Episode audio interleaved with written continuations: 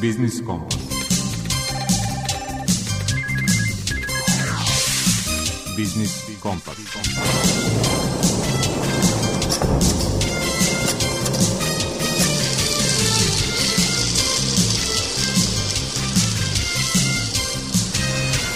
Pred mikrofonom je Đuro Vukelić.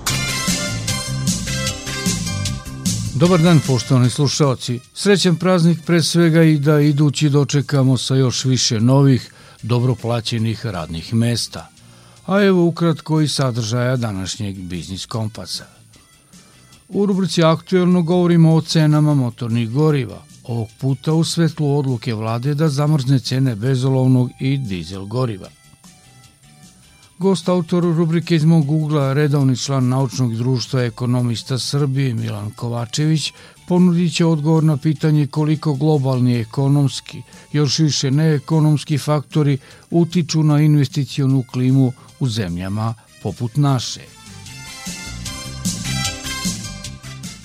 Program finansijskog posticanja razvoja ženskog i preduzetništva kod mladih tema je rubrike Svet preduzetništva – kome i pod kojim uslovima je namenjen, objasnit će rukovodilac projekata za razvoj malih i srednjih preduzeća u regionalnoj razvojnoj agenciji Bačka, Marija Prokopić. Bankari nas svakodnevno obasipaju brojnim terminima u vezi sa kamatama. O onim najvažnijim u rubrici predmet financije govori savjetnik za zaštitu korisnika finansijskih usluga u Narodnoj banci Srbije, Jelena Popović.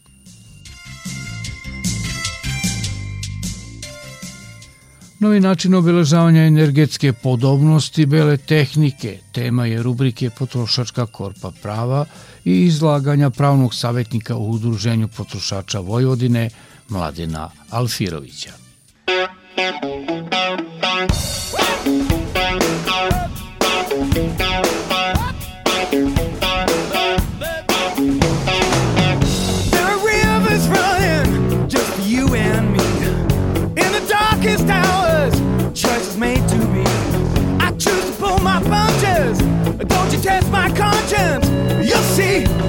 see. Cut your teeth and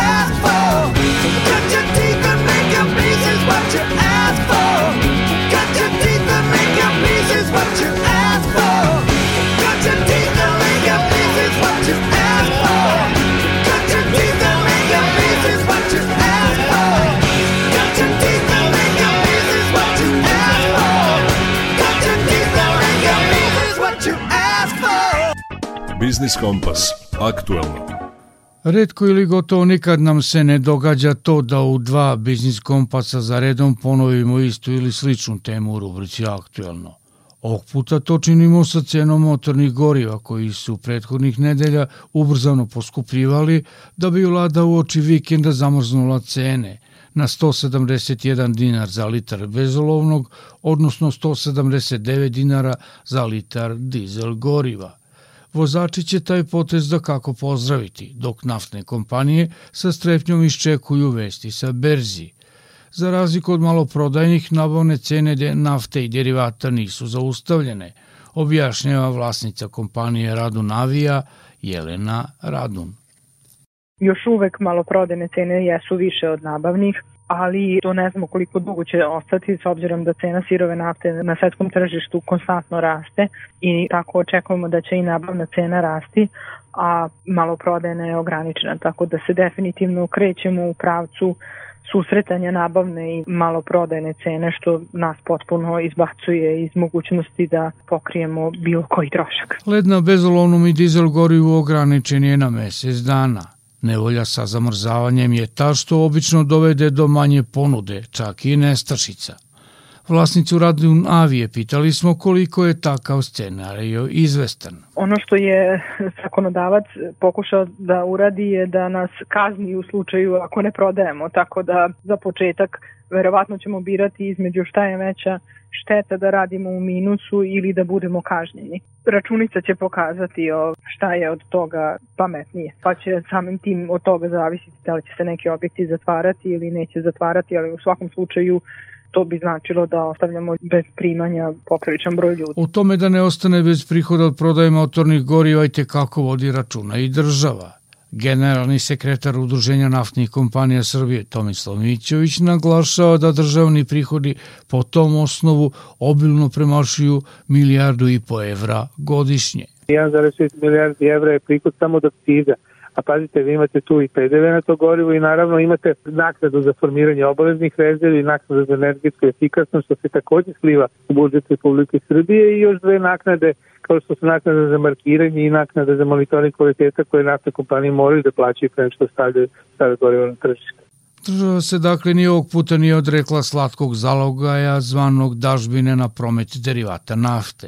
Šta više, čak je ekstra prihodovala od poskupljenja – Takve računice su međutim kratkog daha i za državu i za velike proizvođače nafte – Urednica portala Energija Balkana Jelica Putniković objašnjava i zbog čega. Automatski dolazi do pada potrošnje, ljudi prave zalihe, ali onda prestaju kupovine, tako da i, na primjer, članice naftaški kartel OPEC i njima pridružene zemlje Rusija pre svega dogovaraju se o tome kako da sinhronizuju plasma nafte na svetsko tržište, ne bili cene ostale u jednom za njih normalnom modu i ova cena koja je bila od oko 80 evra zapravo odgovara svim naftašima. Čak i ovo što je sad cena premašila 90 evra, tu veliki utice ima ova geopolitička situacija između Rusije, Sjedinjenih američkih država, NATO-a, da li će biti ili neće biti rata u Ukrajini, jer znamo da iz Rusije stiže u Evropu oko 30% nafte. Počeli su neke kompanije da skladište rezerve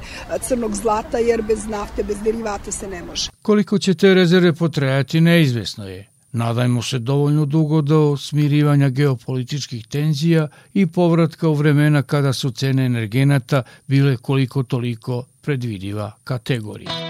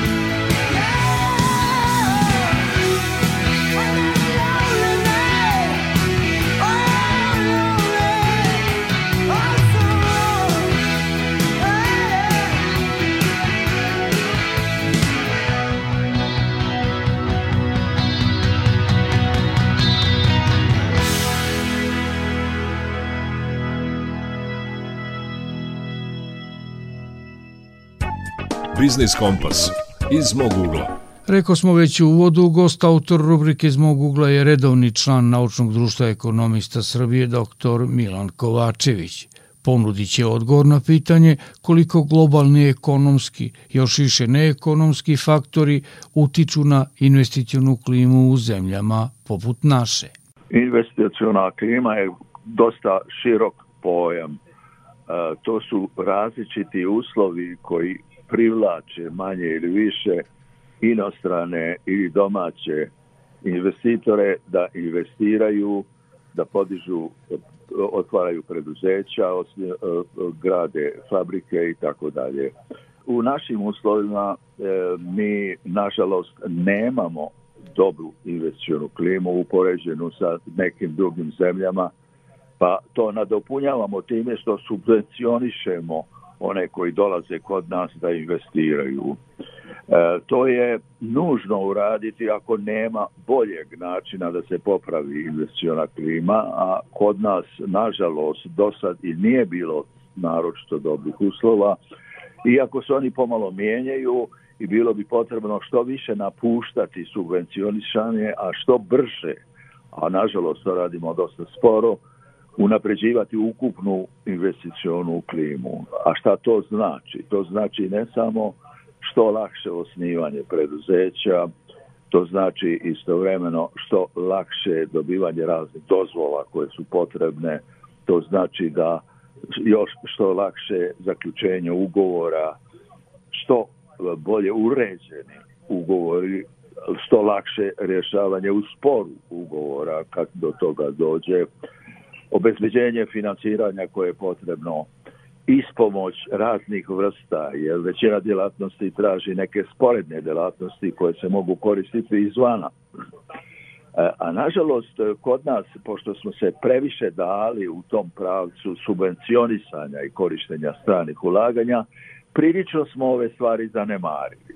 Tu spada još i uslovi života uopšte, što znači da li je prijatno onima koji dođu da ovde da, da, da li je zdravstvo dobro riješeno, da li je u kakvom je stanju e, obrazovanje, e, da li će e, oni i koliko biti udobno smješteni ovde.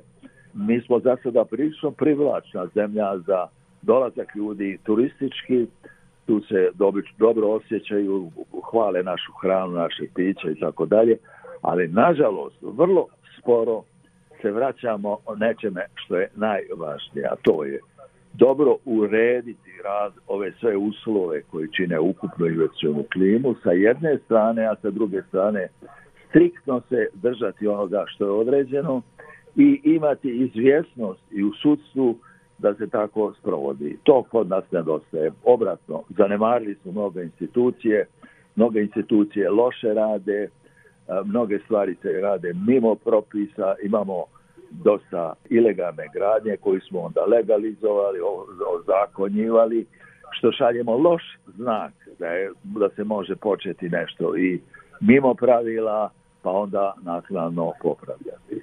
Do, don't do don't do don't do don't do don't do do, don't do the do, don't do the do, do. Come on.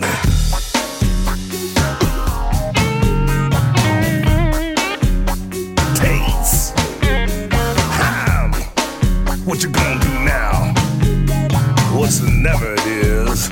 It got to be from I got the feeling. Baby, baby, I got the feeling.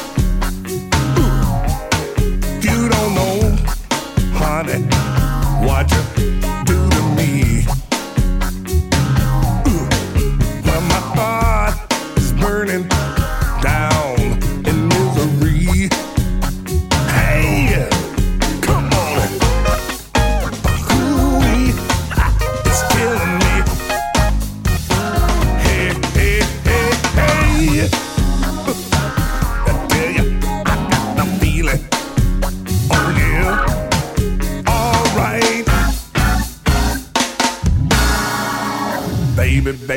baby, baby. Baby, baby, baby. Baby, baby, baby. Baby. Come on. stick.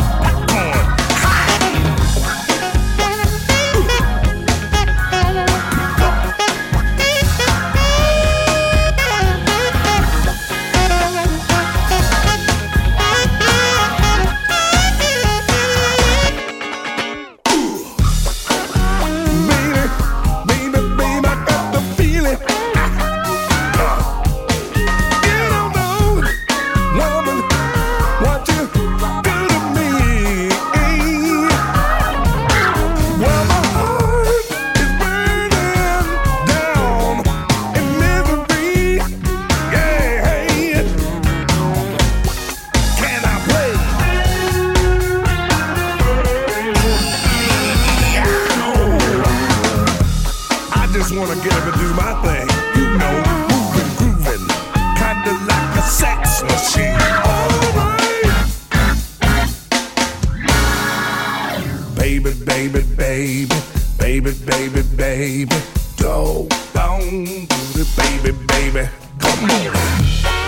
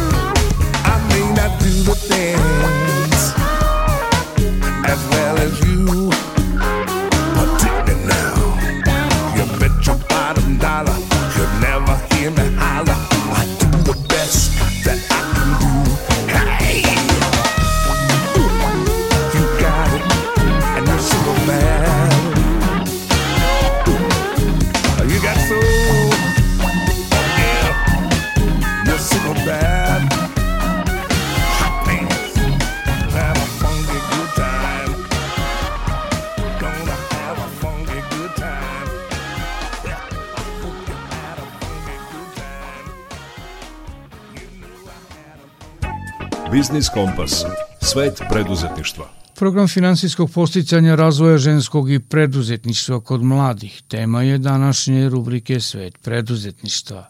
Koji i pod kojim uslovima može da konkuriše za posticaje objasnit će rukovodilac projekata za razvoj malih i srednjih preduzeća u regionalnoj razvojnoj agenciji Bačka, Marija Prokopić. To je program koji je raspisalo Ministarstvo privrede Republike Srbije i koji se realizuje preko Fonda za razvoj Republike Srbije. Inače, ko može da konkuriše na ovaj program, namenjen je novo osnovanim preduzetnicima, mikro i malim privrednim društvima koji su registrovani u Agenciji za privredne registre najranije pet godina u odnosu na ovu godinu, što znači svi oni koji su registrovani od 2017. do 2022. godine mogu da konkurišu. S obzirom da je program isključivo namenjen ženama i mladima, to je drugi uslov. Znači, pored ovoga godine registracije, bitno je da osnivač i zakonski zastupnik bude žena, u privrednom subjektu koji ima više vlasnika, većinski udeo mora biti u vlasništvu jedne ili više žena, znači minimum 51% i jedan zakon, zakonski zastupnika mora biti žena. S obzirom da je namenjeni mladima, znači tu se smatruju svi oni koji su do 35 godina, znači osnivači preduzetničkih radnji, a u privrednom subjektu koji ima više vlasnika, većinski udeo mora biti u vlasništvu jednog ili više fizičkih lica starosti do 35 godina i jedan od zakonskih zastupnika mora biti fizičko lice starosti do 35 godina. Zašto se može konkurisati za kupovinu nove ili polovne opreme kao i dostavnih vozila? Što se tiče dostavnih vozila, ona moraju služiti isključivo za prevoz sobstvenih proizvoda, repromaterijala i sirovina i drugih transportnih sredstava koji su uključeni u proces proizvodnje. Inače, oprema može biti nova i može biti i polovna do 5 godina, a isključivo se može kupovati od pravnih lica, znači proizvođača određene opreme ili ovlašćenih distributera. Takođe, sredstva se mogu koristiti i za tekuće održavanje poslovnog ili proizvodnog prostora, kao i za operativne troškove, međutim operativni troškovi mogu da učestvuju najviše do 20% u strukturi ukupnog ulaganja za koje se potražuju sredstva. Inače, još neki od uslova jeste da je rok otplate kredita do 5 godina, gde je godinu dana grace period – Rok otplate kredita ne može biti kraći od 3 godine, faktički preduzetnici biraju znači koliki će im biti rok otplate, znači on se kreće od 3 do 5 godina. Zatim primjena valutne klauzule postoji, Kamatna stopa je 1% godišnje ako je sredstvo obezbeđenja garancije banke.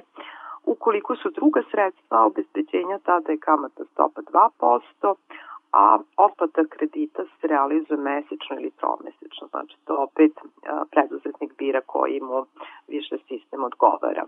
Što se tiče ostalih sredstva obezbeđenja, znači moguće je i hipoteka prvog reda na nepokretnostima, zatim zaloga na pokretnim stvarima, ugovorno jemstvo ili pristupanje dugu nekog drugog privrednog subjekta, ugovorno jemstvo fizičkog lica i planko sobstvena menica korisnika kredita.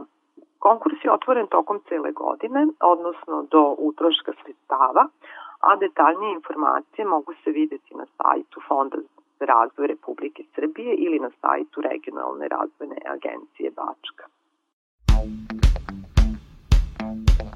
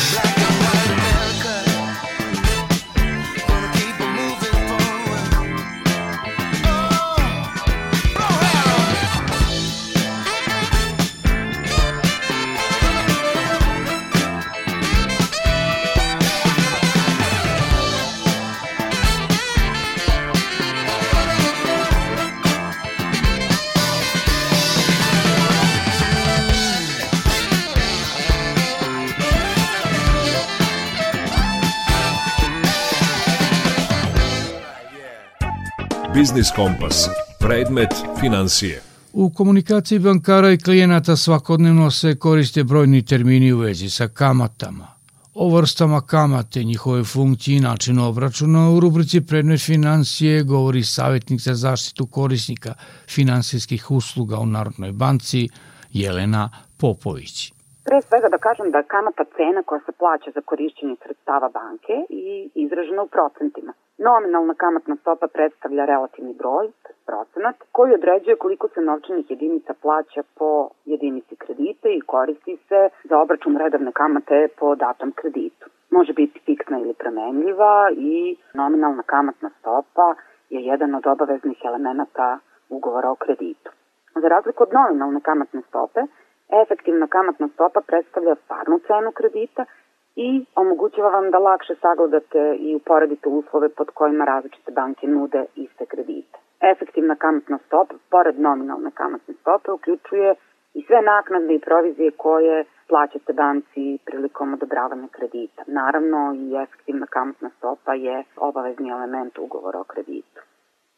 Dakle, nominalna kamatna stopa služi za obračun iznosa kamate i to tako što se tokom otplate kredita ta kamatna stopa primenjuje na, preostali iznos duga, koji se pritom stalno smanjuje, pa je zato udeo kamate u rati s vremenom sve manji, dok efektivna kamatna stopa nije obračunska kategorija. Ona ne služi da se obračuna iznos kamate, naknada i slično, ona samo prikazuje stvarne ukupne troškove kredita.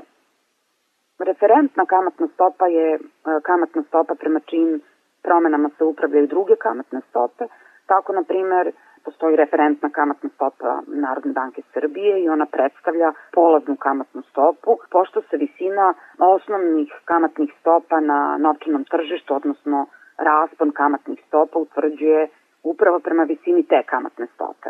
Pored toga, referentna kamatna stopa Narodne banke Srbije može biti jedna od komponenti u strukturi promenjivih kamatnih stopa za kredite u dinarima.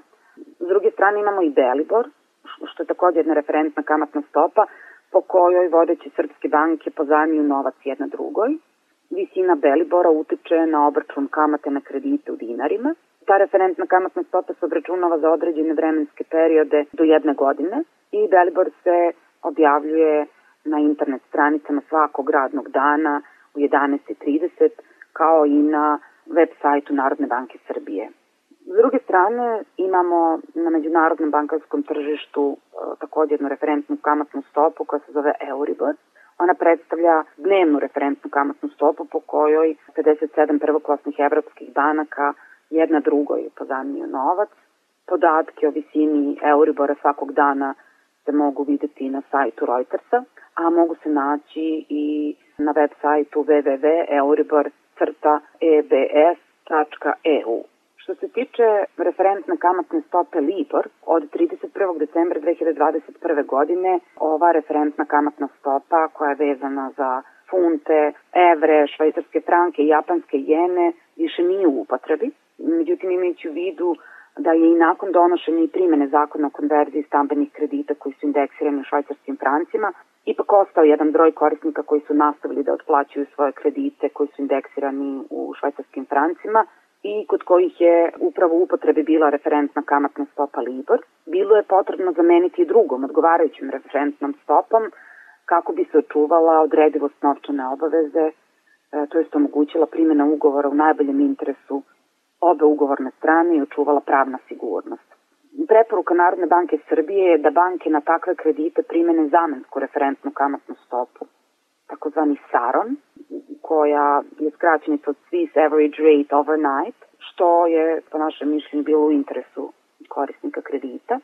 Kao dodatna mogućnost, e, Narodna banka Srbije je preporučila bankama da ponude zaključenje aneksa ugovora o kreditu kojim bi se ugovorilo da se do kraja otplate kredita primenjuje kamatna stopa koja je određena na osnovu poslednje objavljene vrednosti stope Libora koji je vezan za švajcarski franak, odnosno EONija, što takođe korisnicama može biti u interesu, jer oni koji bi se s bankom dogovorili da na ovaj način fiksiraju kamatnu stopu kod ugovora o kreditu, kod kojih su ugovorene ove referentne kamatne stope, u potpunosti su zaštićeni od rizika rasta kamatne stope.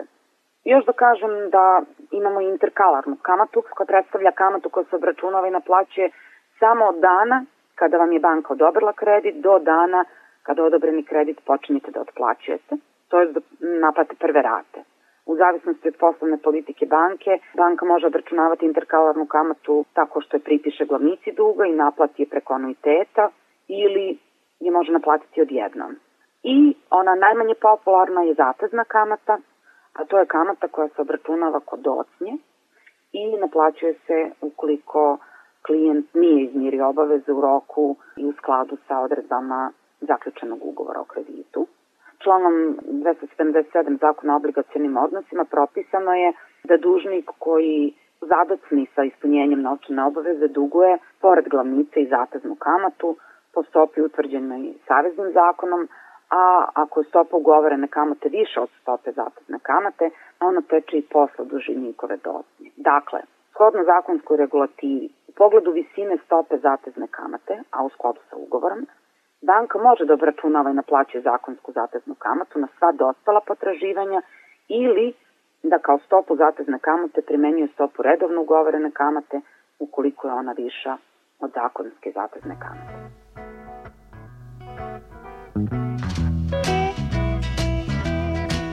This is the rock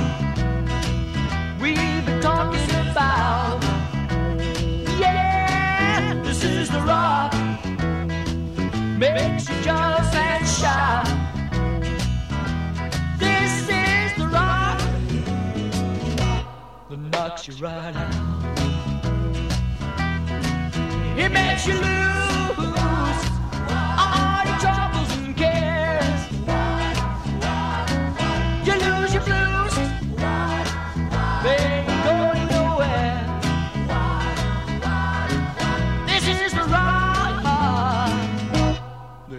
right there.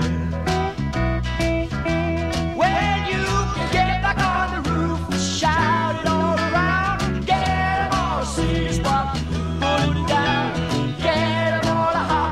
that crazy beat, all a bumping and the feet, 'cause it's the rock,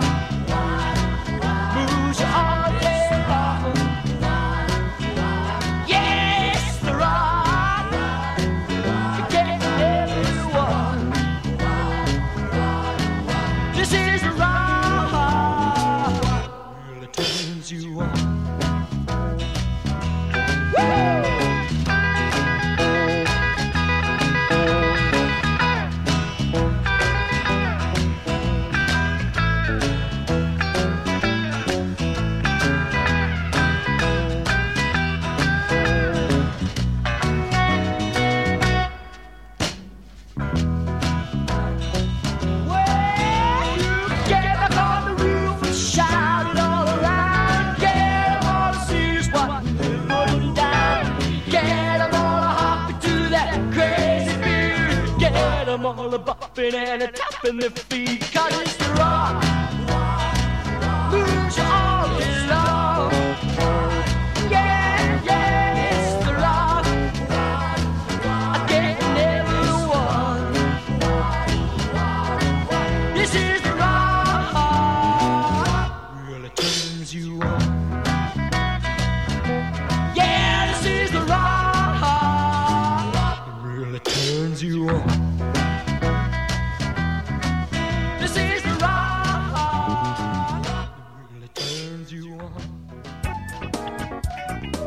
Biznis Kompas. Potrošačka korpa prava. U nizu propisa Evropske unije o pravima potrošača, a koje usvajamo ili tek nameravamo da usvojimo, za danas ćemo izdvojiti obavezu proizvođača bele tehnike da na nov, jednostavniji način označe energetsku efikasnost svojih proizvoda. O tome u rubrici Potrošačka korpa prava govori pravni savjetnik u Udruženju potrošača Vojvodine Mladen Alfirović.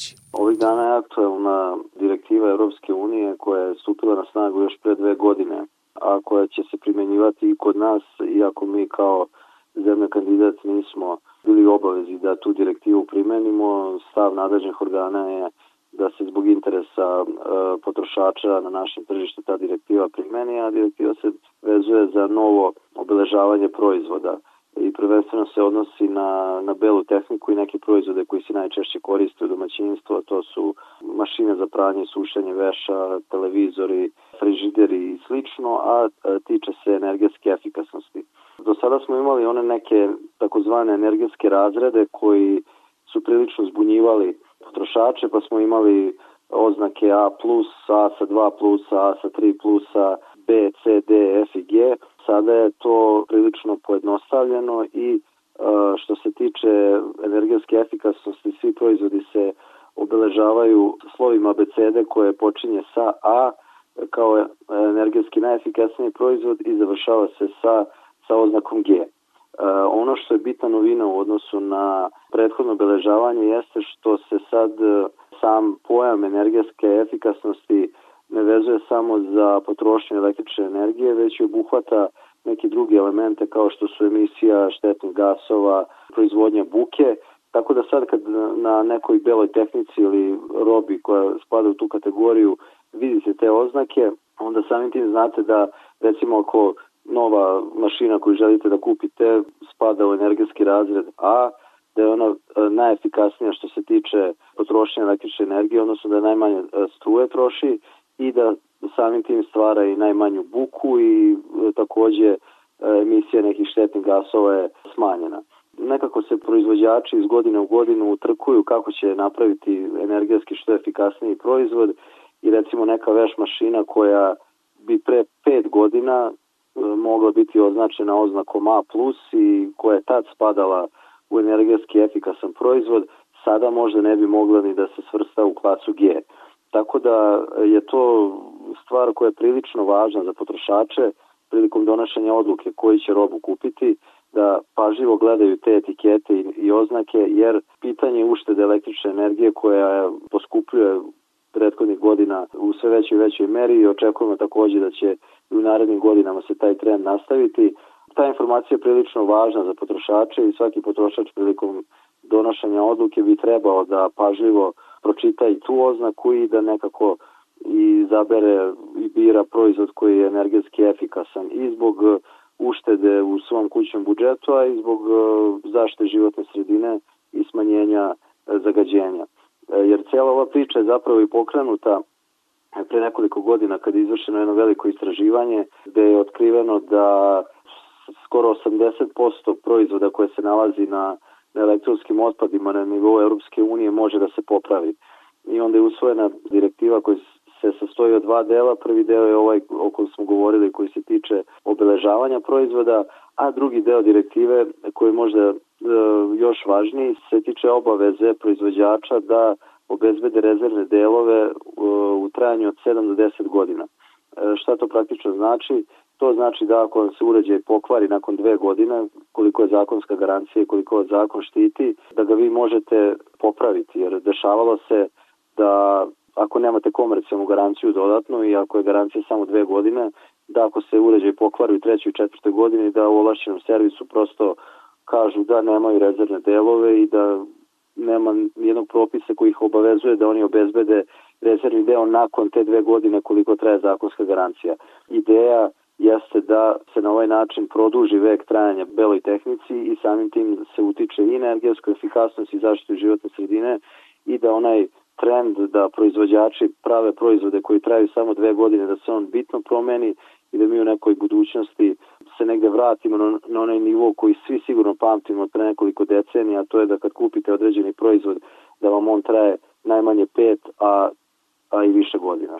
Dakle, e, očekujemo i nadamo se da će naše nadležno ministarstvo uskoro usvojiti ovaj drugi deo direktive koji se tiče obaveze za uvoznike i distributere da obezbede rezervne delove, što bi praktično značilo da će i potrošači u Srbiji kao i e, potrošači u Europskoj uniji imati energetski efikasne proizvode čije vek trajanja će biti znatno produžen jer će biti u mogućnosti da se poprave umesto da se zbog nekog ozbiljnija kvara kupuje novi uređaj kao što je to do sada bio slučaj. Uh-huh.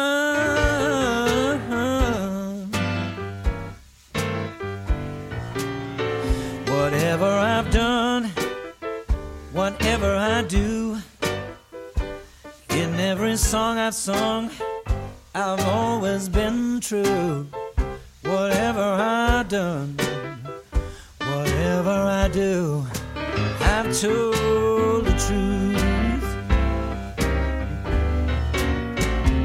Music's my lover, music's my wife.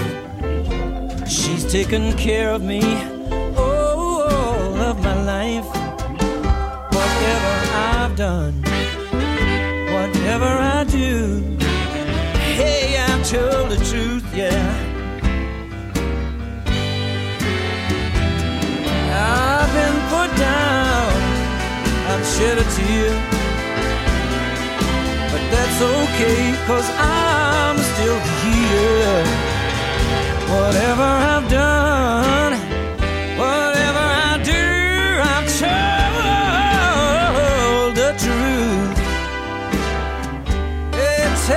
truth now dues.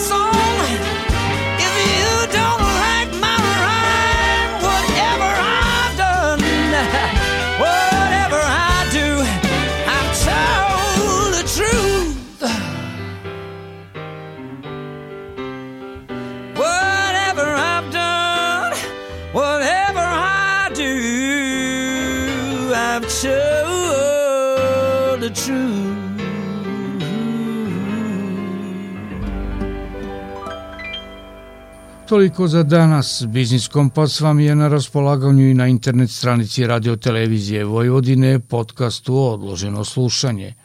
Do narednog utorka u isto vreme pozdravljaju vas muzički urednik Zoran Gajinov, ton majstor Dalibor Vidović i urednik emisije Đuro Vukirić. Zdravi bili i čuvajte se.